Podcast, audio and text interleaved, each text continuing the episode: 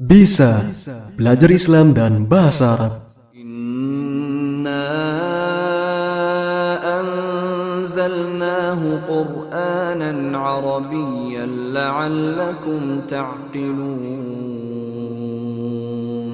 Sesungguhnya kami menurunkannya berupa Al-Qur'an dengan berbahasa Arab agar kamu memahaminya.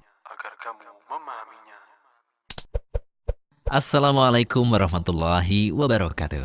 Dars 10 Wazan-wazan tasrif.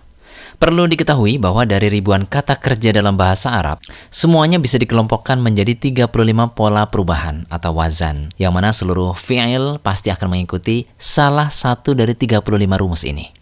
Namun alhamdulillah, dari 35 wazan ini, yang umum digunakan di dalam percakapan sehari-hari hanya 22 wazan saja. 22 wazan ini terbagi menjadi dua kelompok besar, yaitu thulathi dan rubai. Thulathi adalah kelompok kata atau kelompok fi'il yang huruf penyusunnya ada tiga. Contohnya, kataba, kataba. Kemudian rubai, merupakan kelompok fi'il yang huruf penyusunnya ada empat. Contohnya, dahroja, dal, ha, ro, jim. Kemudian baik thulathi maupun rubai itu dibagi-bagi lagi masing-masing menjadi dua. Yang pertama, mujarrad, yaitu huruf penyusunnya asli. Baik terdiri dari tiga huruf, thulathi, maupun empat huruf, atau rubai. Yang kedua, mazid, yaitu terdiri dari huruf asli. Kemudian terdapat huruf tambahan, baik huruf aslinya ada tiga, thulathi, atau empat, rubai. Adapun contohnya sebagai berikut.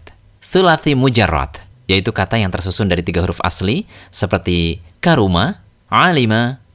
Kata-kata ini adalah thulathi mujarrad, artinya memang terdiri dari tiga huruf asli.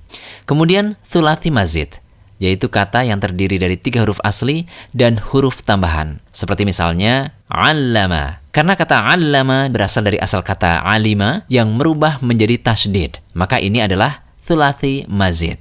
Contoh yang lain adalah kata akroma. Kata ini berasal dari kata karuma yang ditambah huruf alif. Jadi contoh thulathi mujarrad adalah alima dan karuma. Sedangkan thulathi mazidnya adalah alama dan akroma. Nah itu tadi contoh tentang thulathi mujarrad dan thulathi mazid. Sedangkan untuk rubai mujarrad dan rubai mazid, penjelasannya sama. Hanya saja jumlah huruf aslinya ada empat.